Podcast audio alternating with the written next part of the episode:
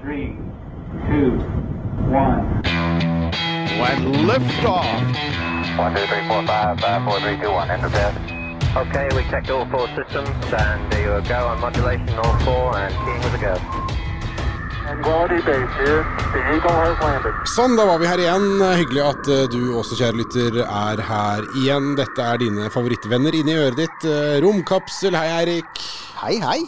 Eh, Flyvning er mindre pålitelig enn det det var, sa du akkurat før vi starta å ta opp her. Ja, nei, jeg, litt, jeg har fått litt inntrykk av folk som er ute og reiser nå, at du ser litt sånn kanselleringer og sånn, så jeg håper ikke det er helt uh, riktig, fordi jeg skal ut og fly litt i høst. Jeg jo, når jeg ikke sitter i romkapsel, så reiser jeg jo rundt som eh, ambulerende foredragsholder for alle slags eh, type organisasjoner og bedrifter, og, da sitter jo jeg og brenner CO2 så det holder over hele landet. Jeg Jeg fikk en, jeg, unnskyld, be, be, bare beklage, Eirik, at jeg kommer til å pisse på på måte næringa di akkurat nå.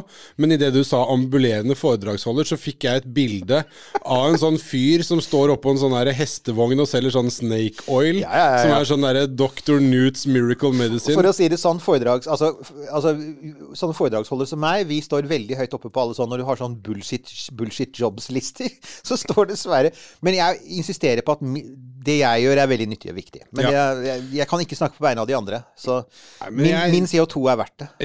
Jeg syns vi bare skal Jeg syns vi bare skal glede oss over eh, bullshit jobs. Normalitet, får jeg vel lov å si det. Velkommen tilbake, Ikke sant, normaliteten. det også, herre fred. Ja. Eh, og eh, også at eh, bullshit jobs eh, Dette er jo ikke en jobb, eh, for det har vi snakka om tusen ganger. For at det, er, det krever noe i andre enden av en jobb. ikke sant? Sånn, Ja, ja, ja. eh, skattbar inntekt osv. Eller inntekt, for den saks skyld. Men dette er mer som en sånn artig hobby som vi koser oss med. Ved siden av bullshit jobsene våre. Ja, Men det var jo ikke egentlig det vi skulle snakke om i dag i det hele tatt. Men grunnen til at jeg starta med å si at eh, flyvning er mindre pålitelig enn det det eh, var, er jo fordi at det skal jo handle om en eh, flyvning. Uh, nå, i dag. Uh, en flyvning som har fått flight number, uh, la oss bare si fire. ja. Inspiration 4. Eh, Ja. Og av alle milliardærer in space-greia, så får vi vel si at med alle mulige forbehold om at uh, både Eirik Knut, som sitter der borte, og undertegnede, som sitter her, er litt partiske, så vant Elon Musk det ballet der. Han gjorde det, og han, alt han behøvde å gjøre, var å ikke møte opp. Altså, for han gjorde jo ikke det. Elon selv er jo ikke med på denne ferden, ikke sant. Og det er, jeg tror det er en viktig del av det. Uh, Ja. det er jo da, altså Dette er jo en ferd som er kjøpt og betalt av Jared Isaacman, som jo er amerikansk teknologigründer og pilot. Altså, han har jo pilotlisens for alle mulige slags ting. Jeg lurer på om han eier en MiG-29 eller noe sånt. Han er, helt, han er relativt sånn far out når det gjelder pilotskillsene sine. Ja, jeg har jo sett et par episoder, i hvert fall. Det som lå ute fram til 13. eller 14. september 2021. Eh, før det ble skutt opp, eh, så så jeg de episodene som ligger på Netflix. Eh, veldig sånn amerikansk. Eh, Og så det som jeg syns er fascinerende, er jo at eh, der sitter det altså en fyr, denne Isaac, som i all sin eh, på en måte velvillighet og eh, jovialitet egentlig er en litt sånn kødd. By default, fordi jeg har aldri hørt om fyren. Nei. Aner ikke hva han holder på med. Men han, han spiser og tisser og driter dollar. Han har så mye penger, som du sier at han, jeg kjøper meg et jagerfly, ikke noe problem. Hei, Elon, kan ikke jeg gi deg noe penger, så jeg kan uh, få reise til verdensrommet? Og forresten, jeg er hypp på å ta med noen andre folk også. Jeg har så mye penger, jeg. Og, og han gjorde jo faktisk det. Altså, det er, det er Jared Isaacman som både har betalt for hele ferden. Eh, vi kan komme tilbake til hva den eventuelt kostet. og så tok han med seg tre stykker. Og det, det, det som er litt Du kan si Én ting er at Elon Musk ikke var på ferden, så derfor så ble ikke dette sånn milliardær eh, koser seg med rakettene sine. Og det andre er selvfølgelig at de tre som var med, de var i en litt annen grad enn på de andre ferdene som var i sommer. Altså mer alminnelige folk. Altså Du har, uh, du har Doktor Proktor, som uh, mange Ja. av våre norske lyttere har påpekt. Ja. At uh, der bør jo Jo Nesbø bør helt klart tenke kommersielt samarbeid. Definitivt. Doktor Proktors romferd. Og så har du, altså har du Christopher Sembroski, som da er en fyr som Altså han, I likhet med doktor Proktor, så, Shian Proktor, så, så, så meldte han seg til denne konkurransen. Ja, du måtte donere noen penger til en sånn barnekreftavdeling. Og så måtte du passe på å lese den veldig lille skriften som sa Ja. at folk utenfor USA ikke kunne være med. Så jeg har også ja. donert penger. Ja. Jeg meldte meg, jeg òg. Så da var du altså altruist til ingen nytte. Ja, jeg var altruist til ingen nytte, og jeg, jeg angrer fremdeles bittert. Mm. Og så har du da den, den, den siste, da. Det var Hayley Arsenault, som da Oh my god! Ja, oh my god. For det, det er litt interessant, fordi at mens um, Jared Isaacman og Shien Proctor og Christopher Zembroski alle sammen er helt klart er dedikerte romnerder. Og var veldig tydelige på det. De, sånne, de måtte lage sånne Twitter-videoer hvor de fortalte om hvor utrolig opptatt de var av rommet. Eh, og Zembroski jobber vel i Aerospace. Eh, Hayley Arsenault hun jobber Hun er legeassistent på eh, St. Jude's Hospital. Og Det er det det du måtte donere penger til. Nemlig. Og det er dette sykehuset. Dette er jo egentlig en veldedighetsferd. Og, og det var jo en innsamlingsaksjon som pågikk under selve ferden og før ferden for å skaffe mest mulig penger til det som åpenbart er et velrenommert barnesykehus. Så det, er, det var et godt formål, altså. Ja, definitivt. Det, og, bare sånn at jeg bare understreker det, at eh, jeg syns eh, Inspiration for hele greia er, var veldig kult. Eh, så jeg skal ikke Jeg prøver ikke å liksom, pisse på det, men eh, jeg ville bare ha Jeg bare Ja. poengterer dette med, med Isaac Man. At eh, det, det er en fyr Det er en, finnes en fyr som du aldri har hørt om, som har så mye penger at han kan kjøpe hele familien din ti ganger. Tusen Ja, ganger. er ingen, ingen tvil om det. Ja. Uh, og du kan si altså uh, Hovedmålet for ferden var jo å samle inn penger til St. Jude's Children's Hospital. Og det nådde de. Målet var 200 millioner dollar. Og folkens, bare ta en sånn liten pustepause der. 200 millioner dollar er nesten 2 milliarder blanke norske. Eh, det nådde de jo vel så det. De endte vel opp på 220, tror jeg det var det siste jeg så. Eh, og så, så, sånn sett kan du si ok, dette her er jo bare der så er det jo et mye mer sympatisk romstunt enn det i sommer. Særlig, særlig det til eh, godeste Bezos. Bezos Ja. Som førte til en hatstorm, en skittstorm, som jeg ikke har sett maken til på, på romtwitter noensinne. Det, var, det endte jo med at um, Elon Musk var ute og sa Han, han nærmest tryglet. Det er, det er veldig sjelden du hører Elon Musk trygle som 'Vær så snill, ikke angrip rommet', som gir folk så mye inspirasjon og håp. Og det var, det var, så ille var det. Det fikk vi ikke her. Det er klart det er enkelte som påpeker at for eksempel eh, Hvor mye kostet dette her, ikke sant?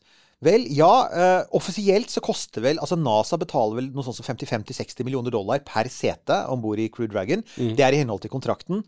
Um, Scott Manley, som er en kjent uh, romfartsreporter, kan vi si, på YouTube, han har gode kontakter innad i bransjen. Han mener at bare det med altså, de tilpasningene som blir gjort på kapselen, bl.a. denne kuppelen som de hadde, Ja. og en del andre ting som blir gjort, tyder på at dette har nok vært dyrere. Han anslår mellom 60 og 100 millioner dollar per sete.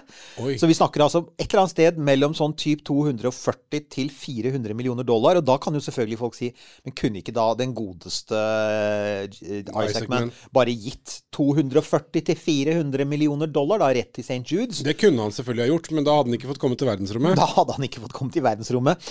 Og så er det jo den greia da med USA. Du har dette her med sånn så filantropi, ikke sant? Philanthropy.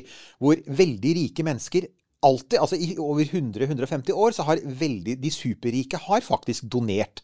De har sånne svære cash payments til, vel, til gode formål. Ja, og du, det, er, det er vel Altså, av alle ting du ikke må gjøre når du er superrik i USA, eh, blant annet betale skatt og mye andre sånne ting, som du, Ja, ja. som du slipper egentlig forholde deg til verden. Du kan jo gjøre hva pokker du vil, bygge hva du vil, oppføre deg akkurat sånn som du vil, Mm. drepe hvem du vil, osv. Som regel. Men den ene tingen du på en måte er påkrevd å gjøre som dritrik i USA, Mm. er jo å uh, give to charity. Ja, for eksempel altså det amerikanske bibliotekvesenet, folkebibliotekene i USA, de ble jo i stor grad finansiert av sant, donasjoner. Bill Gates Foundation kjenner alle til. Og til og med Jeff Bezos har sin egen miljøstiftelse, selv om nesten ingen har hørt om den. Så, så ja. Men altså, her var jo en ting, da. En av de tingene som ble sagt her, er liksom Nje, er dette så utrolig viktig? Ikke sant? Uh, og vi så jo også eksempler i norsk presse, forsøk på å prate dette litt ned, for å si det sånn, og si ja ja, det er bare nok en ferd. Men hvis vi skal se på ferden sånn rent teknisk, da, så var det jo én ting som var jævlig interessant med den. Og det er at um, den var um, Den var veldig høy. Altså, den fløy Ja. veldig Det Altså- var jo litt morsomt, for det var jo også så jeg i den dokumentaren at vi begynte å diskutere det, at eh, hvor, hvor høyt de skulle. Mm. Og så var det sånn Ja, men hvis vi først skal gjøre det, og gjøre det ordentlig, og inspirere, så to go uh, where no man has gone before and Se beyond, ned på osv. romstasjonen var vel noe av poenget. Ja, så, så må vi bare komme oss over. Vi må komme oss eh, forbi, høyere opp, lenger vekk enn det ISS ligger. Nemlig. Og det var jo det, altså, så det de gjorde, de ble jo skutt opp med Crew Dragon gjenbrukt, det er vel Resilience den heter, eh, gjenbrukt Crew Dragon-kapsel, en gjenbrukt Falcon 9-rakett, ble skutt nesten 600 km opp. Og ja, det er, eh, det er et godt stykke høyere enn eh, romstasjonen. Det er også et godt stykke høyere enn nesten alle romferjeferder. Og faktisk så er det nesten bare Altså du har Apollo-ferdene, selvfølgelig, som fløy til månen. Og så har du noen av Gemini-ferdene, disse testferdene før Apollo.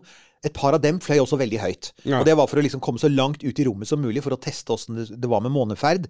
Så, så, så Shian Proctor og Hayley Arsenault er jo faktisk de kvinnene i historien som har fløyet høyest i rommet. Ja, og eh, hun uh, Arsenault, mm Arsenault, hun har jo også en protese, har hun ikke det? Var det ikke, har ikke hun, eh, hun har en det. beinprotese eller et eller annet sånt? Fordi eh, det som var liksom tvisten der også, var at hun er jo sånn overlevende eh, Hun overlevde uh, en eller annen form for aggressiv beinkreft. kreft, Nei, beinkreft. Aggressiv beinkreft, ja. uh, da hun var tenåring, eh, typ. Og så jobber hun nå da ved samme sykehus. Så det er jo en fin historie, og en historie som de amerikanske filantropene selvfølgelig reagerer veldig godt på. Men den, men den har jo vitenskapelig interesse òg, da. Nils Johan, for jeg tenker en av de tingene vi, vi har jo snakket mye i vår i forbindelse med astronautsøknaden til Ja. Ikke sant? Hvor vi hadde Marianne fra Romsenteret, og vi hadde en egen livesending. Paranaut. astronaut-. Ikke sant? Paranaut. Nå har de endelig nå har, Parastronaut eller paranaut eller hva det heter. Nå har de endelig begynt å ta det på alvor. Men realiteten er jo at det er klart, hvis du kommer med en tidligere kreftdiagnose, Ja. så, så er sjansene for at du slipper gjennom i NASAs astronautkorps, den er ganske lav. Dette vet vi jo bl.a. fordi at vår venn eh, Mike Massimino, eh, som jo var en av de som nesten har Han fløy faktisk nesten like høyt.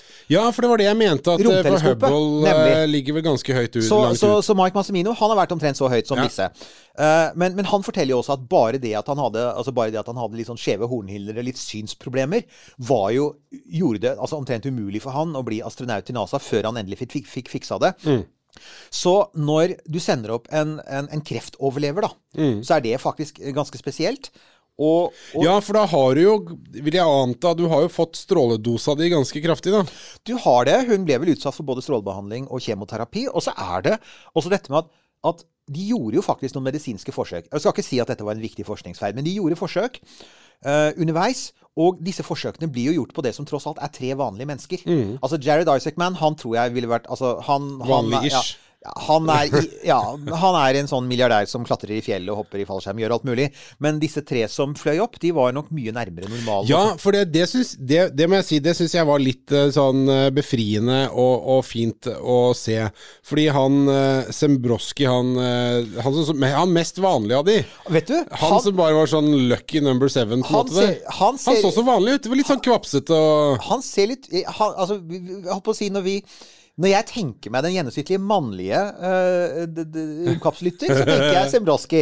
Og Ja. når vi er inne på det, vi har ennå ikke solgt vi kan vi bare si det, vi har ennå ikke solgt mange nok av e dobbel-X-skjortene våre. Nei, for det var det. Altså, jeg vil tro at, eh, vil tro at eh, Sembroski trenger XL, kanskje dobbel X, Ja, tror det. i trøye. Og det gjør flere av dere dere vil innrømme, er egentlig Ja. mitt poeng. Ja, flere trenger det. Vi, er, vi har solgt overraskende mange i large. Utsolgt for Werner-trøyer i large. Eh, vi får trykke opp flere etter hvert. Eh, Mhm. Men dobbel X, som vi tenkte er vi på, på oss sjøl skal vi kjenne andre, Ja, ja, ja, ja, så tenkte jeg at uh, der har vi masse igjen. Der har vi masse igjen. Så det er bare å ta seg en grillpølse og bestille trøye. Og bare, bare hent inspirasjon fra godeste Chris Sembroski. Ja. For han er som du sier, han er også sånn helt vanlig mann. Eh, jobber i aerospace, men det er jo titusener i USA som gjør. eh, vanlig familie. Og det er altså ganske sånn vanlige Vi snakker om vanlige mennesker med vanlige liv. eh, og det er jo en verdi i seg selv. Så én ting er altså, det rent, altså at de, de gjør disse forsøkene. Og de, de sier også at når disse dataene er behandlet, så skal alle data fra forsøkene som blir gjort om bord i Inspiration Force, skal slippes fri. I motsetning til det som ofte skjer med, med NASA-data data i romstasjonen. Men jeg tenker at der kommer liksom den, den viktigste inspirasjonsfaktoren, da. Den kommer i dette her med at det er svært vanlige mennesker i den grad at Jeg tror vi vel kan si at uh, i Hayley Arsenaults tilfelle så var det opptil flere som reagerte på Du var inne på det. Uh, opptil flere som reagerte på at Ikke bare var det sånn at hun aldri hadde meldt seg på en konkurranse. Men hun hadde aldri drømt om å være i rommet. Hun har, aldri, hun har, ikke, hun har, ikke, hatt, hun har ikke hatt noe lyst til det engang. Og Ja, og det er klart, det skjønner jeg jo godt at kan for mange oppleves som litt bittert. eh, hvis man skal bruke det ordet. Altså, Eh, jeg kjente Vet du hva, jeg vet ikke åssen det var med deg, men jeg så den. Og jeg kjente litt på det. Og vi har faktisk Vår lytter Gunhild. Ja. Hun sendte et, et langt innlegg som vi har eh, klippet litt fra. Og så, les hva, hva Gunhild sier. For jeg tror hun, hun representerer meg på mange måter. Og jeg tror en del andre også. Eh, Gunhild skriver Men jeg har et bitte lite irritasjonsmoment. Alle fire er flotte og verdige kandidater og virker som veldig fine personer. Men jeg synes det var litt rart og irriterende at de plukket ut en kandidat som ikke har hatt en drøm om å dra ut i verdensrommet, og som heller ikke visste at det er snart 50 år siden det har vært folk på månen. Uh, Eh, Hun må være den eneste i verden som har blitt plukket ut til en tur i verdensrommet, som ikke har drømt om det på forhånd og gjort en innsats for å komme dit. Føler meg litt smålig for å tenke sånn, men det å få reise til verdensrommet er virkelig en unik mulighet som veldig få får. Derfor stusser jeg litt. Og selvsagt er jeg misunnelig. Det er vel flere som er Ja! det. Ja! Eh, Men det er flere som reagerer som eh, meg på akkurat eh, Men er det flere som reagerer? Ja, det er det. Ja, ja, ja, det er det. Og jeg kan si at ikke, og her er saken, jeg, tror ikke, jeg har ikke sett at noen har hetsa for eller sånt noe. Men det er klart de har lurt litt på det. Men som jeg sa jeg, altså Hun sendte jo en, en, en, en mail om dette, og jeg svarte jo, som jeg altså, alltid gjør. Og det jeg sa, var Jeg faktisk Altså, jeg hadde akkurat den samme reaksjonen. Jeg skvapp til når hun sa Are we going to the moon? Ja. sånn. Jeg kjente jeg døde litt inni meg akkurat da hun snakka med vennene sine. Oh my god, Hailey! Are you going to the moon? Men så sa jeg Men greia var, når jeg ser på den serien, så ser jeg jo hvorfor. For saken er Det var vel på tide, da, blant de snart 600 som har reist opp i rommet. Så var det vel på tide at vi fikk en som aldri har drømt om Altså, hvis, hvis, skal, hvis vi mener at rommet en dag skal bli åpent for alle Jeg tror det er veldig lenge til. Det er ikke sikkert det noensinne skjer. Men hvis vi skal ha den visjonen, da, så var det vel etter liksom sånn 600 topptrente romnerder, så var det på tide å få en som ikke har drømt om det, og som faktisk ikke engang hadde forestilt seg, men som er som det store flertallet av folk på jorda, for de aller fleste her nede på bakken. Tro det eller ei, romkapsellyttere, her kommer den brutale sannheten. De fleste er faktisk ikke veldig interessert i å reise i rommet, Nei. og tenker ikke engang at de har lyst til å gjøre det. Nei, nettopp. Og jeg tror eh, En tanke som slår meg akkurat nå, eh, det, må jeg, det må jeg ærlig innrømme.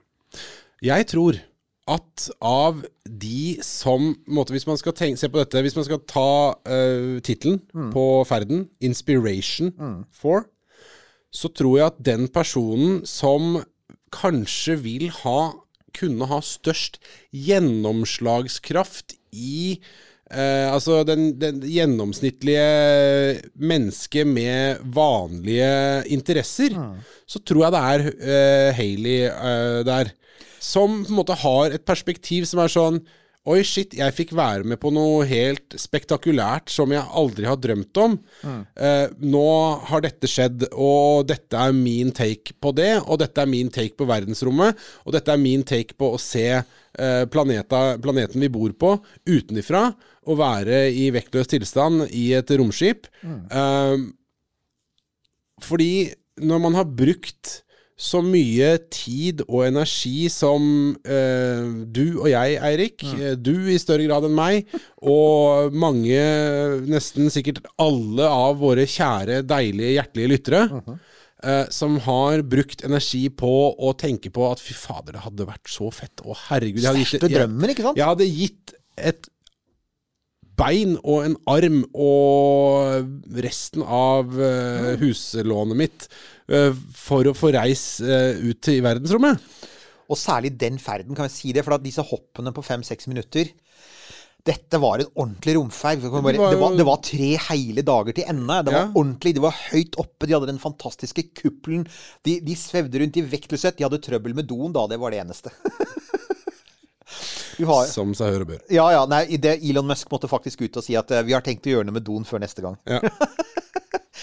Folk spekulerte litt på det, Kanskje vi får se det i oppfølger, for det skal lages en episode til i denne fireepisoders-serien. og det skal handle om selve romferden. Og folk spekulerer på om vi får en sånn Vi har jo i en av våre tidlige episoder så har vi jo The Floating Third Episode. Ja, ikke sant? ja. Om, eh, var, det, var det Apollo 8? Nei, det var det ikke. Det var en av de senere ferdene. Ja, ja. ja. Men det var i hvert fall en av, Apollo, en av de tidlige Mm. Apollo-ferdene. Så er det sånn uh, There's a third floating by. Altså det flyter en bæsj rundt. Eh, og, og folk har jo også kastet opp der oppe og sånn. Så, så ja, uh, jeg, jeg håper at ikke det var en sånn Apollo det, Folk spekulerte på om det var en sånn Apollo Apollo-event-level. Altså, for det er liksom sånn Det er jo selvfølgelig det verste som kan skje. Men, uh, men ja. Så det jeg tenker er som, og, selvfølgelig Gunhild er jo også enig med oss i det. Ja, ja. sier? Så det er ikke det. Vi er alle Vi enige kan om at være smålige og misunnelige som Ja. bare det. Det er, det er fair, det. Det er helt greit. Men greia er at eh, nå var det nå en gang Hailey der som fikk det. Og hun har gjort mye annet fint, hun med livet sitt, oh, ja, som hun ja, på en måte har fått i gave. Alt tyder på at hun er strålende menneske. Og hun ser ut som en eh, flott og, og omsorgsfull eh, person. eh, som på en måte fortjente selvfølgelig en eller annen på, påskjønnelse for, for jobben hun har gjort. Og det er noe sånn det fungerer borti USA der, da. At eh, det er randomness eh, som, som gjelder, og fordi du har gjort noe fint og pay it forward, og Mm. hvis du tilfeldigvis gir en eh, tier til en eh, person som viser seg å være en riking som er ute på et sosialt eksperiment, så plutselig så blir hele livet ditt snudd på huet.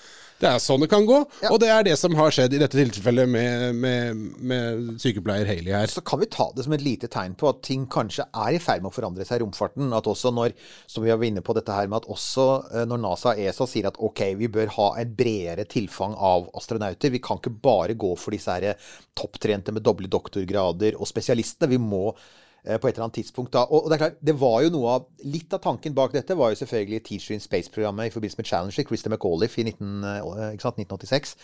Men men, eh, men dette her er, dette er er dette på et litt annet nivå, for dette er, NASA er ikke involvert. Og det bringer oss selvfølgelig til det neste poenget, og det var jo denne diskusjonen som gikk i sommer, var Var de som, de som reiste opp i rommet i sommer, milliardærhoppene, da, hvis vi skal kalle dem for det, var det egentlig romferder? Og der var det veldig delte meninger. Her er ingen i tvil. Igjen. Dette var romferd. Romferd, og da, da, da kan de være det, De var, har vært på en romferd, og da kan de være astronaut. Eh, Ja, altså, her, for her er saken. ja. Vi, kan godt ta, vi må ta en liten runde på det, rett og slett fordi at Igjen, akkurat som Hailey Arsenault er et tegn på at ting holder på å endre seg i romfarten, på mange måter til det bedre, så er det at vi nå Nå er det litt språkforvirring. Det forteller jo at også selve ideen om hva astronaut er, og hvem som skal være i rommet, holder på å forandre seg. Amerikanske medier er ganske konsekvente. De kaller dem for astronauter. Han Sembroski, Kristoffer Christopher Sembroski, på hans Twitter-konto så sier han 'commercial astronaut'. Ja. Det tror jeg er riktig, for at jeg tror i hvert fall at jeg tror de faktisk em, fyller eh, Federal eh, Aviation Authority, FAA-kravet, til såkalt kommersiell astronaut, som var det de kom med i sommer. med sånn eh, med den rollen de hadde om bord og slike ting, så, så, så tror jeg det, det kan stemme. Og i hvert fall så kaller de seg for det. Mens f.eks. norske medier, og ikke minst særlig NRK, har vært veldig opptatt av dette. De sier nei. De mener at de er romfarere. Så vi er der. Altså, amerikanske medier sier astronaut. NRK sier romfarer. Commercial astronaut har ikke vi noe godt norsk ord for. Kommersiell astronaut. Nei, men eh, Ja ja, romfarer, det er jo fair enough. Kan godt være romfarer. Det høres jo litt sånn uh, Ubåt-Madsen ut, da, å være romfarer. Altså, Det ja. er litt sånn, Du har vel lagd noe sjæl, og så tilfeldigvis uh, Ikke sant? Og her er jo saken. Um, for altså, det, det, NRK var ute og kalte dem amatører også. Jeg tror VG gjorde det samme, og det irriterte meg litt. For at, altså, amatør, jeg veit hva du mener. Amatør betyr jo egentlig bare at du gjør noe du er glad i. ikke sant? Det betyr at, ja.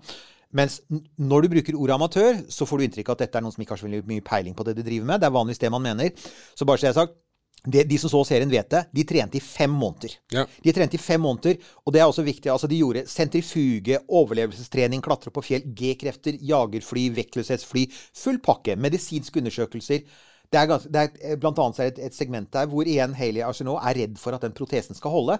Hun vet at for som hun sier, hun kan bli kastet ut av ferden. Ja. Hun må faktisk, Det er ikke bare sånn at hun har fått en billett, en sånn, sånn eh, Willy Wonka gullbillett, og så kan hun reise opp. Nei, hun må gjennom hard trening. Og sist, men ikke minst, da. Både um, han Jared Isaacman og Sheehan Proctor, begge to har pilotlisens. Ja. Begge to var trent opp til å ta over, for at altså, Crew Dragon er helautomatisk. Og, og ferden går helt av seg selv, så Crew Dragon følger jo det sovjetiske prinsippet om at den beste piloten i rommet er en datamaskin. Uh, men selvfølgelig, hvis noe går galt, så skal eh, menneskelige astronauter kunne ta over. Det var de trent opp til å gjøre. Og dermed så har de altså faktisk en pilotfunksjon. Så når da folk er ute og sier ah, de er bare turister, eller de er romfarere og amatører, da tenker jeg da har du kanskje ikke sjekka grundig nok hvor, hvor langt det gikk i retning av trening. For at dette er ikke bare noen som har betalt en billett og har en femminutters tur. Dette er folk som har ligget i trening, hardtrening, i fem måneder, viet livet sitt til det, og så har de tre hele dager i rommet. Bare sånn rant over. Men jeg bare ble litt irritert. Ja, jeg ble litt irritert på det, for jeg synes det var sånn Det var ikke nødvendig å gjøre det. For at, altså, det, er, det er mange ting å kritisere denne ferden for, men å si at disse her folka som dro opp, ikke var kvalifiserte, det blir tull. Da tar vi et øyeblikk for det. Da tar vi et lite øyeblikk på det. Men så er jo saken, da, og det er jo um, det er dette her med så, så, så kommer da denne sånn Er dette starten på en ny bølge romturisme? Uh, hva, Nei, hva, hva hva, var det det sette settet kostet igjen? 50 millioner? 100 millioner? Ja, ikke sant?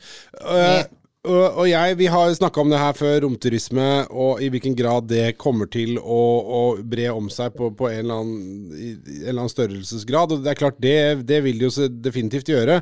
Eh, men, men altså kalle det turisme eh, syns jeg kanskje er litt eh, Altså med de assosiasjonene man legger inn i ordet turisme, så tenker jeg at det kanskje det er å bruke ordet i sin videste forstand hvis man sier romturisme, fordi det vil jo fremdeles i all overskuelig framtid være en relativt uh, lite tilgjengelig form for feriering, hvis man kan eh, si det sånn.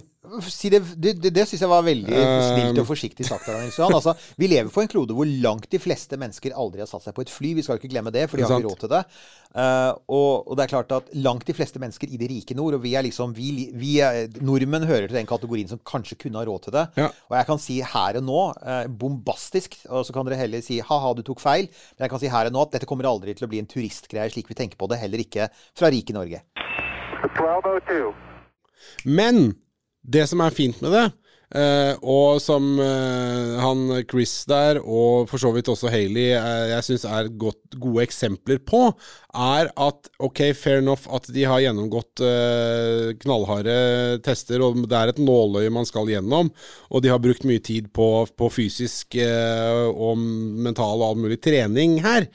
Men det, er, det lar seg gjøre for vanlige folk med hva skal man, i anførselstegn vanlige metoder. Uh, og uh, re- re- klare en sånn ferd. Klare en sånn tur. Og jeg tror nok også at um, de kunne klart seg fint med mindre. Helt her er man jo Man er jo innafor Man garderer seg jo. Det ville jo vært dumt hvis liksom, Ja. eh, kreftoverleveren og, og Amerikas nye yndling på en måte skulle stryke med på vei opp eller ned. Eh, av et eller annet medisinsk, ikke, mens de andre mm, Ikke at kapselen eksploderte, men at det, det, det skjedde et eller annet med kroppen hennes som gjorde at hun rett og slett bare døde. Eller en av de andre, for den sakens skyld. Bortsett fra Isaac Man, for han er jo sånn overmennesketype.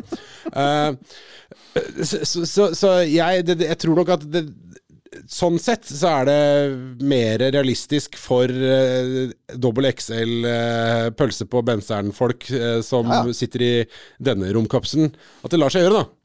Det, ja da, og jeg tenker at uh, Nå har jeg begynt å jogge, forresten. Ja, veldig bra. Ja, jeg har begynt å sykle. Så vi, vi gjør så godt vi kan. Vi forsøker å overleve så lenge som mulig for at dere skal få, få romkapsel, folkens. For å si det sånn. Men ja, Hva gjør vi ikke? hva gjør vi ikke for lytterne? Uh, jeg tenker jo, og vi har jo vært inne på dette tidligere også, at hvis vi ender opp der hvor, altså disse, hvor man tror at disse hoppene da, kommer til å ende opp etter hvert, som er sånn typ kvart million dollar per hopp, da. Per, per, per sete. Ja. Ja, så er det faktisk mulig å oppnå som en drøm. Altså Hvis du er en helt vanlig person som har en drøm om å være i rommet, så kan du faktisk spare opp, og du kan ta opp et lån. Hvis du, hvis du, arver, hvis du arver en leilighet eller et hus fra foreldrene dine, så kan du kanskje selge det. Og da blir det faktisk eh, to millioner kroner, og det er noe du kan putte i en billett. Så, sånn sett så, så tenker jeg at det kanskje kan sammenlignes med type eh, Mount Everest. Som også en gang var helt uoppnåelig for bare Altså det var bare profesjonelle fjellklatrere.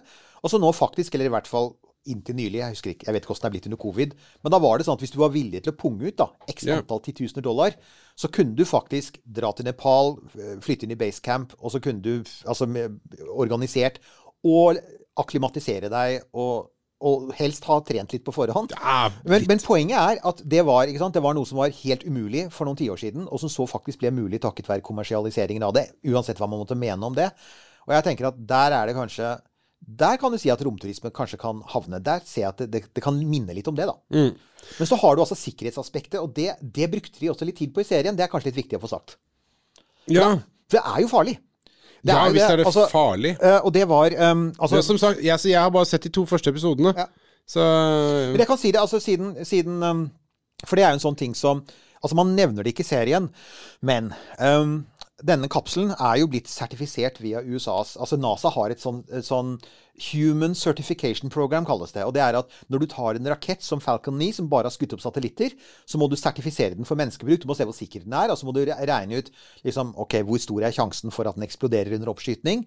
Så må du ta romkapselen, eh, Crew Dragon, og heldigvis, da eller ikke heldigvis, det var jo selvfølgelig Elon Musks store plan. Uh, Crew Dragon er basert på den automatiske Dragon-kapselen som har sendt opp forsyninger til romferja i romstasjonen i årevis. Så, så den hadde de. Så de hadde både data for Dragon, som ligner veldig på Crew Dragon, og for Falcon 9, som er den samme raketten. Og så satte de seg ned og så gjorde de en sånn svær eh, De og, og SpaceX gjorde en sånn svær evaluering av systemet.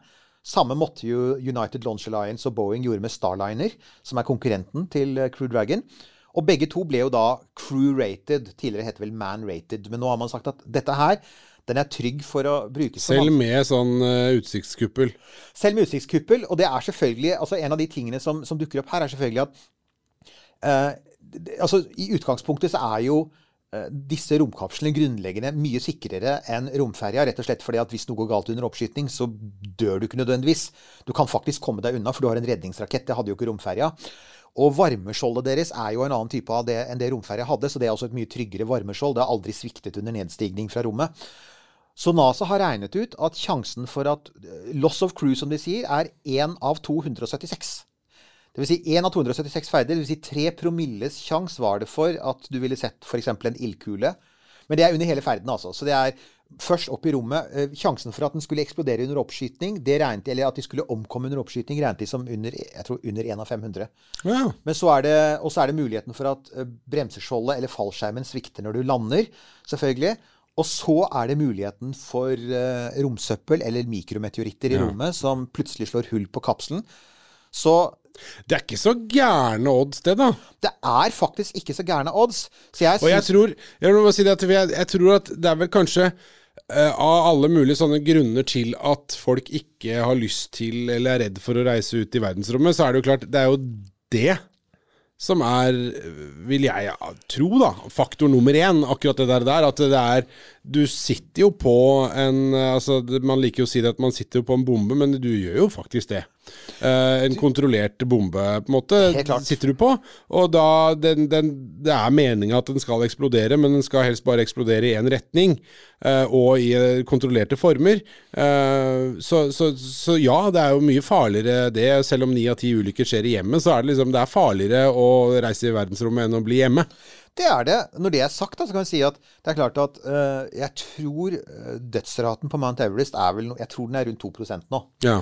Jeg tror det er rundt der den er, men eh, det er mulig jeg har Men det er klart, den vil jo altså en, en sånn dødsrate vil jo gå opp jo flere folk som gjør noe. Så vil jo den der statistikken der endre seg. Ja, det, kom, og det, det kommer jo litt an på systemet du har, da. Eksempel, en ting som er ganske vanlig å gjøre når man ser på dødsraten i rommet, det er bare å si hvor mange astronauter har det vært, hvor mange astronauter har dødd, ikke sant? Ja, ja. Og det er sånn, ja, det har dødd 18. 18 astronauter har dødd under romferder.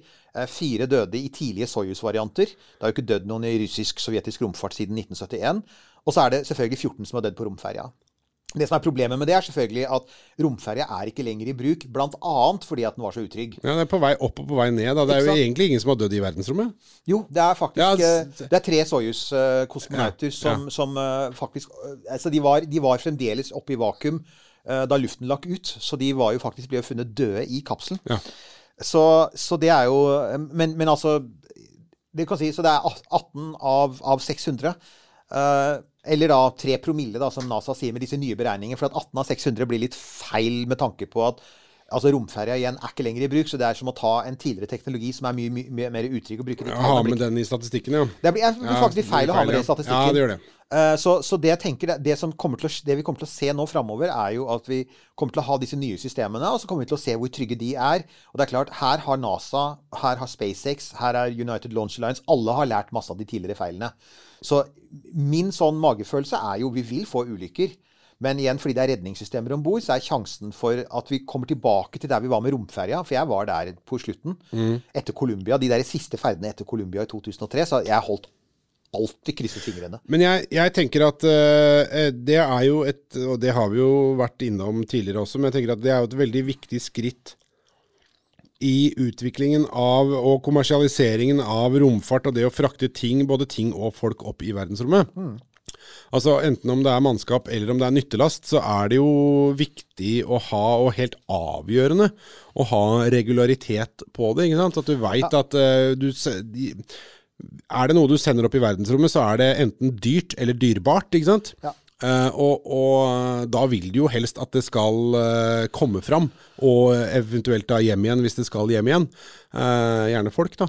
Du, du vil jo ha det, og du vil jo, du vil jo på en måte ha den samme typen sikkerhetsgodkjenning og typegodkjenning som du har f.eks. i luftfarten. Og det er klart, det, altså, luftfarten, Vi aksepterer at det skjer ulykker også der, men så ser du det at eh, det er ikke så ofte at Hva, hva skal man si? Eh, velrenommerte eh, airlines som vi eh, vanlige folk her på berget benytter oss av. Det er ikke så ofte det skjer noe gærent med de. Det er ikke det. Og det er jo igjen fordi man har alle disse her systemene og, og sikkerhetsmekanismene og kontrollmekanismene som gjør at, at det blir trygt. Og det er jo det man etter hvert ønsker seg for romfarten. Men jeg tenker at så lenge du har en 3 promille sannsynlighet, hvis det er der det, det ligger, da, og det er rimelig antatt det er der det ligger, ehm, så får vi jo si at, at det betyr jo selvfølgelig at hvis du Anta da, som enkelte har tenkt deg, ja hvis du får romturisme, skal vi ha én ferd om dagen, da? Det er det man tenker seg, ikke sant? Ja, og, og jeg, har sett at enkelte har spekulert i det. Virgin Galactic, som eh, er liksom eh, Richard Bransons selskap, har jo vært inne på det sånn Vi vil sende opp så ofte vi bare kan. Men det er klart, hvis du, har tre, hvis du ligger på sånn 1-3 promille sannsynlighet, da, ja, så ender du fort opp med å ha en dødsulykke i året. Og romulykker er spektakulære. Det er en annen ting. De har en tendens til å være veldig synlige. Så det er, det er, derfor, det er derfor jeg også tenker at selv om, som du sier, dødsraten er egentlig ikke veldig høy med tanke på hvor komplisert og farlig teknologi det er. Men hvis man tenker på det som et sånt kommersielt produkt som også skal selges på et åpent marked, til sånn type familiefedre og sånn, der, der tenker jeg det var faktisk noe av det beste i den serien uh, til Netflix. Det er ikke samtalene med astronautene, for at de er, de er jo sånn Ja, men de pårørende, ja. Kona Ja, til Hansen Hans ja. Broski, hun var jævlig fin. Hun var veldig bra. Hun sier, vi har to små barn, Ja. ja, og hun er en helt alminnelig amerikansk dame. Mm. Det, det er et alminnelig amerikansk ektepar som lever et normalt liv. Og plutselig så bare løftes mannen hennes ut av det normale livet, hvor de liksom kjører unger til fotballtrening. Og så skal han opp i rommet, og, og hun er gammel nok til å huske Challenger, ikke sant? Ja, Og det er sånn Oh yeah. Uh, så så den, den angsten som de pårørende kjenner på, den Ja. er reell. Og den, den, den må man liksom sånn ta eh, og, Du og så- ser det jo i uh, Hun har noen ganske tapre smil, hun uh, kona til Isaacman der òg. Oh, ja. og det, hun har blitt ve- vent seg til å klistre på det tapre smilet når Hver gang han setter seg seg i han- miggen sin og skal ja. ha mockfighting i Ja. slukten utenfor Las Vegas, eller hvor det er. Du, um, nei, så Det jeg tenker da, var Det var det, var det meste av det jeg Jeg syns det var en sånn grei oppsummering av Inspiration 4 så langt. Så blir det spennende å se selvfølgelig hva som skjer, hvordan det brukes videre. Jeg antar at disse folka skal ut og holde foredrag. Ja, jeg har sendt mail uh, til uh, SpaceX Uh, og spurt om vi kan få lov til å intervjue en av eh, crewet. Eh, Men i god amerikansk stil så har jeg ikke fått uh, noe svar. Verken at ja, takk for mailen din eller noe som helst. Så vi får bare vente og se hva som skjer. Uh, kanskje det, de svarer uh, en gang. Så fortsetter jo selvfølgelig romturismen sin egen rare, skjeve gang. Det siste nå, det dukket opp faktisk i dag på opptaksdagen. Ja. Det er jo vår venn eh, han med Dare Moon, han som jo Ja. faktisk delvis har betalt for utviklingen av Starship fordi at Elon Musk mangla penger for noen år siden. Yosuka Maizawa. Maizawa, Han ja. eh, japanske kles- kleswebsidegründeren er det som det han eh, er, milliardær og eh, kunstinteressert og alt mulig rart. Og han ville opp i rommet. Og han, for noen år siden så hjalp han i praksis eh, Starship-prosjektet i gang ved å Ja. donere et ukjent antall eh, 100 millioner dollar. Um, og så har han venta på det. Og problemet hans er selvfølgelig at Starship kommer før eller siden, det er ikke det. Men det tar jo tid. Ja, ja. Uh, og, og den optimistiske tidslinjen som Elon Musk solgte inn til Yosuku Maizawa, den Hallo, har du, kjenner du Elon Musk, eller? den ble litt optimistisk. Så, så nå, nå er det ingen liker å tro at jeg er sånn tidsoptimist. er Hvor mye jeg skal få gjort i løpet av en dag, og Ja, sånn uh, jobb og, og alt mulig greier. Så tenker jeg at ja, ja, men det er ikke noe problem. Det blir ferdig til helga. Ja. Og to måneder etterpå så står du der og Det er litt, det er, det er, det er megavarianten av dette. Så han har gått litt der å vente, så han har tatt seg det som på godt norsk heter en ventepølse. Ja. Uh, og, er, Ja. Han har rett og slett bestilt seg en tur på Soyuz. Ja, Så oppe i, desember, uh, i slutten av desember, nærmere jul, så skal han bo på den internasjonale romstasjonen og sveve rundt der og kose seg. og og være litt i rommet mens han venter på at Elon bygger det store romskipet hans. Så vi får jo se. Det blir jo spennende å se. Altså, de fleste har ikke hørt om han, for at han er, altså de fleste amerikanere har ikke noe forhold til han, for han er japaner. Jeg syns det skal bli spennende å se hva japanerne syns uh, om dette. Om, om du får litt av den samme responsen der, eller om de er superstolte av at det er en fyr med japansk det- flagg på armen. Det som- tror jeg. Også Japan trenger jo liksom gode nyheter nå, når det går så innmari åt skogen med dette her svære, svære eiendomsselskapet deres som driver og krasjer intenst nå. Er ikke det Kina? Var det Kina, det, kanskje? Ja. Ja, Men, men meg, Japan altså. trenger alltid gode nyheter. Ja da. Japan har slitt litt i det siste. Ja da. eh, Med både det ene og det andre. Kjernekraftverk og eldrebølge og det ene med det andre. Men uansett. Vi har én Ja, siste ting. ja, ja, ja, vi, har vår, vi har nok en lyttergreie, og den passer så bra her. Den kom for noen uker siden. Det er vår lytter Ole. Ja. Ole Solheim, takk for en fin og informativ episode om Pluto. Jeg har et spørsmål som ikke handler om Pluto. Jeg liker eh, liksom starten. Det er veldig bra. Du, apropos, men ingenting. Eh, men dersom dere skulle spilt inn podkasten i en ekte romkapsel, hvilken ville dere da valgt? Mercury for nostalgi, Boeing Starliner for plassen, eller Bezos sin for store vinduer eller en helt annen kapsel. Kan jeg bare si med en gang, Eirik, at eh, da jeg eh, var på ferie eh, i Florida for noen år siden eh, så satt jeg i en sånn modell av Mercury-kapselen. Det har jeg altså gjort en gang. Den blir det ikke. Nei, altså Mercury kan vi vel si Mercury er ikke så mye en kapsel du stiger inn i som eh, maskineri du tar på deg. Ja. Det er som et plagg, og det er ikke double X. så jeg oppdaget det sånn. Ok, de var, de var um, eh, så helt enig. Mercury er det ikke. Bison sin Altså, kan man i det hele tatt reise opp med Bison sin, sin kapsel uten å bli uh, brennemerket som totalt douchebag når man kommer ned igjen? Jeg lurer litt på det. Altså, eh, jeg har ingenting imot uh, fallossymboler.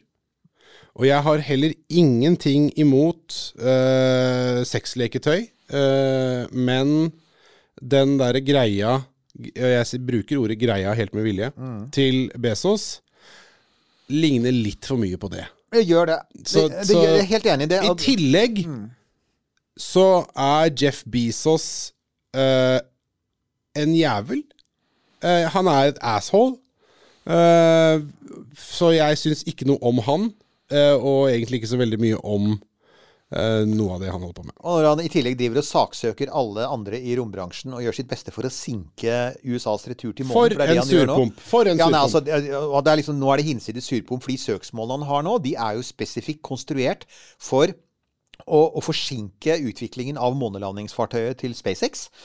Eh, og det vil si at han, altså det vi alle egentlig kunne tenke oss å se, nemlig at vi drar tilbake til månen, det jobber nå, Jeff Bezos jobber nå for å utsette det. Takk, Jeff.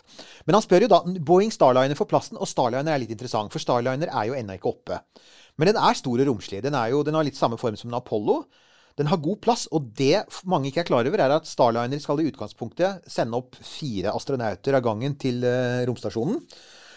Men den har Boeing fikk i sin kontrakt med NASA, NASA lov til å sette på et femte sete som kan brukes til turisme. Ja. Så selv om Starliner er mye mer bundet opp til altså Starliner har et stort problem, og det er at den skal skytes opp med en rakett som heter Atlas 5. Den raketten er i ferd med å pensjoneres. Antall Starliner-ferder som, som er igjen, eller antall Atlas 5-ferder som er igjen, er nå bestemt. De har 29 raketter igjen, eller sånt nå, og alle sammen er nå bundet opp. Og Starliner har jo da tatt opp en del av det, og alle de skal brukes til resupply til romstasjonen etter avtale med NASA.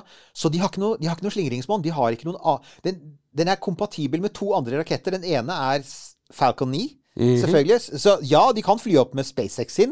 Jeg tviler på at, eh, at Boeing og ULA vil gjøre det. Det andre er den kommende raketten som skal konkurrere med Falcon 9, som er, heter Vulcan. Det er en eh, ny bærerakett som eh, United Launch Alliance nå driver og utvikler. Problemet med den er at rakettmotorene på dem utvikles av et visst selskap som heter Blue Origin, altså selskapet til Jeff Bezos. Og de motorene er jo ikke ferdige, for Blue Origin er jo selskapet som somler med alt. Så akkurat nå så kan jeg si det hadde vært kult å prøve Starliner, men foglerne vet når den kapselen blir tilgjengelig for rene Altså før den, blir- altså før den blir tilgjengelig for rene kommersielle ferder av den typen som SpaceX kan gjøre når de vil. SpaceX kan, De har så mange Falcon 9-raketter de bare vil. De, har, de kan bygge så mange uh, Crew Dragons de bare ønsker seg. Og det er snakk om nå Det er kanskje det siste her. altså Elon Musk har jo selvfølgelig kommentert noe det folk har sagt om ferden, og det han har sagt, det er De planlegger nå å bygge et eget dedikert turistromskip. Altså en gjenbrukbar Dragon-kapsel som bare skal brukes til romturisme, fordi at de har fått enorm respons. Det viser seg at det er veldig mange mennesker der ute som har mellom 60 og 100 millioner dollar å bruke på Ja, men det er jo Isaac Man et uh, godt uh, Ja. eksempel på. Kan jeg bare få lov til å si at uh, for å svare helt sånn dønn ærlig og ja. på spørsmålet til Ole her da, om hvilken romkapsel vi ville ha valgt, så tror jeg, hvis vi skal være helt sånn realistiske og ærlige, Eirik, så tror jeg bare vi kan si det sånn Den som hadde vært tilgjengelig. Den som hadde vært tilgjengelig, med ett mulig unntak, eh, det er eh, Spika. Ja, eh, kan jeg bare få lov til å si én ting, da? Fordi eh, For det første så har jeg Jeg er ikke noe glad i høyder. Eh, jeg har ikke noe problem med å fly. Eh, aldri liksom nervøs og redd i fly. Jeg har flydd eh, helikopter flere ganger. Det syns jeg er helt eh, fint å gjøre. Men jeg husker en gang hvor det var en kompis av meg som er pilot, og han hadde da utsjekk på sånn lite sånn, eh, sånn propellfly, sånn som er sånne propellfly som man flyr med for folk som har lyst til å fly. Eh, og da var vi oppe med det, og da syns jeg det var veldig lite materiale mellom meg og ingenting. Og der er Det er jo ett av problemene med Spika. Ja. Det er flere problemer der. Det er flere problemer der. Uh, men altså, ja. Uh, det, er, vi, det er liksom, den står liksom nederst på listen over det man kunne tenke seg å fly med. Fortell hva det er først, Eirik. Først og fremst så er det jo at det er Copenhagen Suborbitals som har lyst til å skyte opp denne romkapselen eh, fra utafra Bornholm. Eh, og det er fordelen med det at det er ganske nær Norge. Det er i historisk det er i historisk romfartsterritorium, for at det er altså bare et steinkast omtrent, et rakettkast fra Penemynde.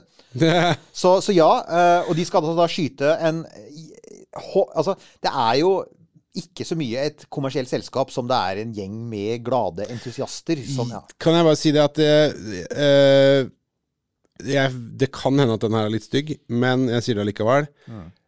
Van, altså sånn uh, erfaringsmessig så er jeg litt skeptisk til å være journalist i en tubeforma metallkonstruksjon som noen danske entusiaster har bygd. Det pleier å gå dårlig. Det pleier å gå dårlig, det er helt sant. Det er jo det som er elefanten i rommet med Copenhagen Suborbitals. Men noen har jo spurt oss, da, til tross for eh, ubåt-Madsen, rakett-Madsen, som han het før. Det er faktisk laget en dokumentar om Copenhagen Suborbitals som var veldig interessant, fordi hvis du ser den altså eh, eh, Madsen er jo da medgrunnlegger av Copenhagen Suborbitals, og selskapet har overlevd hans drapssak og drapsdom. Eh, men hvis du ser den dokumentaren, så kan du faktisk se at det er noen spenninger der. Og du sitter og vet hva han gjorde etterpå, og tenker ja, men jeg, her ser man det jo helt tydelig. Altså, han er ikke helt god. Men jeg vil jo si først og fremst er jo konseptet om en én meter bred et én meter bredt metallrør som skytes 100 km rett opp i lufta. eh, og så skal dale ned under en fallskjerm, og hvor du ikke kan ligge, men du nærmest må sånn halvsitte. Eh, og du har svært lite rom for å bevege deg. Altså, for meg så virker det uansett trangt og klaustrofobisk. Når det er sagt, så var det faktisk i sin tid så var det et konsept som til forveksling lignet på det, og det var I 1948-1949 så var det britiske romentusiaster og romforskere som sa men folkens, her, disse V2-rakettene som vi har fått fra Tyskland, de går rett opp i rommet. Det gjør de. De kommer over 100 km. De kommer opp i verdensrommet, og så daler de ned igjen. De kan løfte ett tonn. Kan ikke vi med ett tonn sende opp et menneske i en metallbeholder med en fallskjerm? Eh, og det kom han til at det var jo i praksis mulig. Og, og, og så kom han til at det var, det var, to grunner til at man ikke gjorde det. Det ene var selvfølgelig at V2 hadde en stygg tendens til å eksplodere under oppskyting. Der snakker vi ikke om tre promille, altså. Det andre er at det man ikke hadde løst, det var når du først kom opp da, i rommet, så skulle du falle ned igjen, og da falt du ned igjen veldig, veldig fort. Og hvordan klarte du å felle ut en fallskjerm uten Altså hvordan skulle du liksom klare å lande blir ja. ikke sant? Uten at fallskjermen ble revet i filler. I hvilken høyde skulle den felles ut? Ja. Hvordan unngikk det Og ting satte seg i spinn og rotasjon, og, alt ble viklet sammen? Som er et innmari det, det tok lang tid da, for både sovjeterne og amerikanerne å faktisk løse problemet med fallskjermer fra rommet. Dette vet vi bl.a. fordi at den europeiske Mars-roveren ExoMars, som skulle vært sendt av gårde og kjørt der samtidig nå med, med Perseverance og Surong, den kinesiske som er der nå, ExoMars skulle vært der. Den er utsatt i to år, og det er bl.a. pga. at det har vært problemer med fallskjermene. Ja. Med fallskjermlandingen på Mars. For det er man, man, man tror Jeg så nylig at man har løst det. Nå var vi ganske langt unna våre venner i, um, I Spika? i Spika Ja, og Inspiration 4. Ja, ja, ja, men sånn kan det gå. Altså. Men det, helt, det helt er til slutt, helt bare en sånn liten ting til slutt. Og det var en ting interessant. Rørpost, bare si. Rørpost. Ja. Elon Musk sier at den, hvis det kommer en sånn turistskip, så er det to ting han vil fikse. Det ene er at de skal kunne varme opp mat. Jeg var ikke klar over at de ikke hadde varm mat om bord i Inspiration 4. Ja. Men jeg tipper at du kan spise kald pasta i tre dager. Det hadde jeg lett gjort. Satt med noen Ikke noe problem, ikke sant? Bare fiksa noen bagetter. Det andre, sier han, det er at neste gang skal du også ha wifi. For at altså, kommunikasjonen med bakken var jo veldig avhengig av at de var over en bakkeantenne. Ja. Neste gang, sier han, så skal du ha wifi, og den wifien den skal selvfølgelig være Starlink-nettverket. Selvfølgelig. Og da svarte egentlig Elon Musk på en spekulasjon mange har hatt, og det var du, det der Starlinkene som skal levere, som allerede nå leverer bredbånd til hver eneste krik og krok, og som kommer til Norge i 2022. Um, skal, er det også bare Altså, det er der oppe, men kan du bare peke nedover? Kan det også brukes i rommet? Og det han egentlig sier nå, er at ja, det kan det. Så da har vi fått vite det også. Akkurat som Norwegian er som wifi on board. Totalt. Så der er vi, Nils Johan. Inspiration 4. Du, sånn, det hadde du ikke trodd, altså, at du skulle ende opp med en episode som starta med Inspiration 4, og så endte opp i Danmark og Ubåt-Madsen og, og noe internettgreier. Sånn kan det gå her i romkapselen. Ja, for øvrig, jeg, jeg ville nok sagt Crew Dragon. Den, den Ja. neste Crew Dragon, den som kan varme opp mat, Ole. Den, den vil jeg dra opp med. Også Wifi. Og wifi. Ja. Sånn er det, for da kan du sitte på Wifi-en din og bestille en romkapsel-T-skjorte. Uh, Ja, det er det bare fortsett å bestille romkapsel. Gjør det. Uh, veldig hyggelig til eh, Vet du hva, jeg må bare nå, vi, vi, vi snakker oss litt bort her nå, men jeg må bare si det at jeg syns det har vært, selv om det har vært litt sånn kjedelig eh, å drive og putte T-skjorter i disse plastkonvoluttene som nå er på vei og har kommet hjem til folk, eh, så har det vært veldig eh, hyggelig å se navn og, og se hvor folk bor. eh, og se at det er så mange som har lyst til å ornamentere sine deilige legemer med mye mindre legemer enn det vi trodde. Uh, Hva, hva er feil med det? Spir får dere ikke mat? Ja, ja. Eh, eh, nei, men det er veldig hyggelig, altså. Så fortsett med det. Det er utsolgt nå for eh, Werner-trøyer i large, og snart også utsolgt for eh, den vanlige romkapsel-logo-T-skjorta i large. Men vi har XL og dobbel X eh, en masse. Um, og noen small. Uh, hvis det er flere som uh, vil Bestill!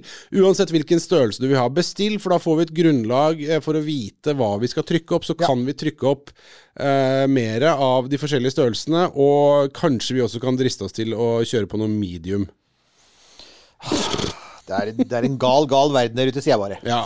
Også. Også, bare også takke, da. Fortsett å takke til alle som, som hører på, og også til alle som uh, vipser oss helt uh, uten T-skjorte. Uh, hjertelig tusen takk. Keep romkapsel flying, altså.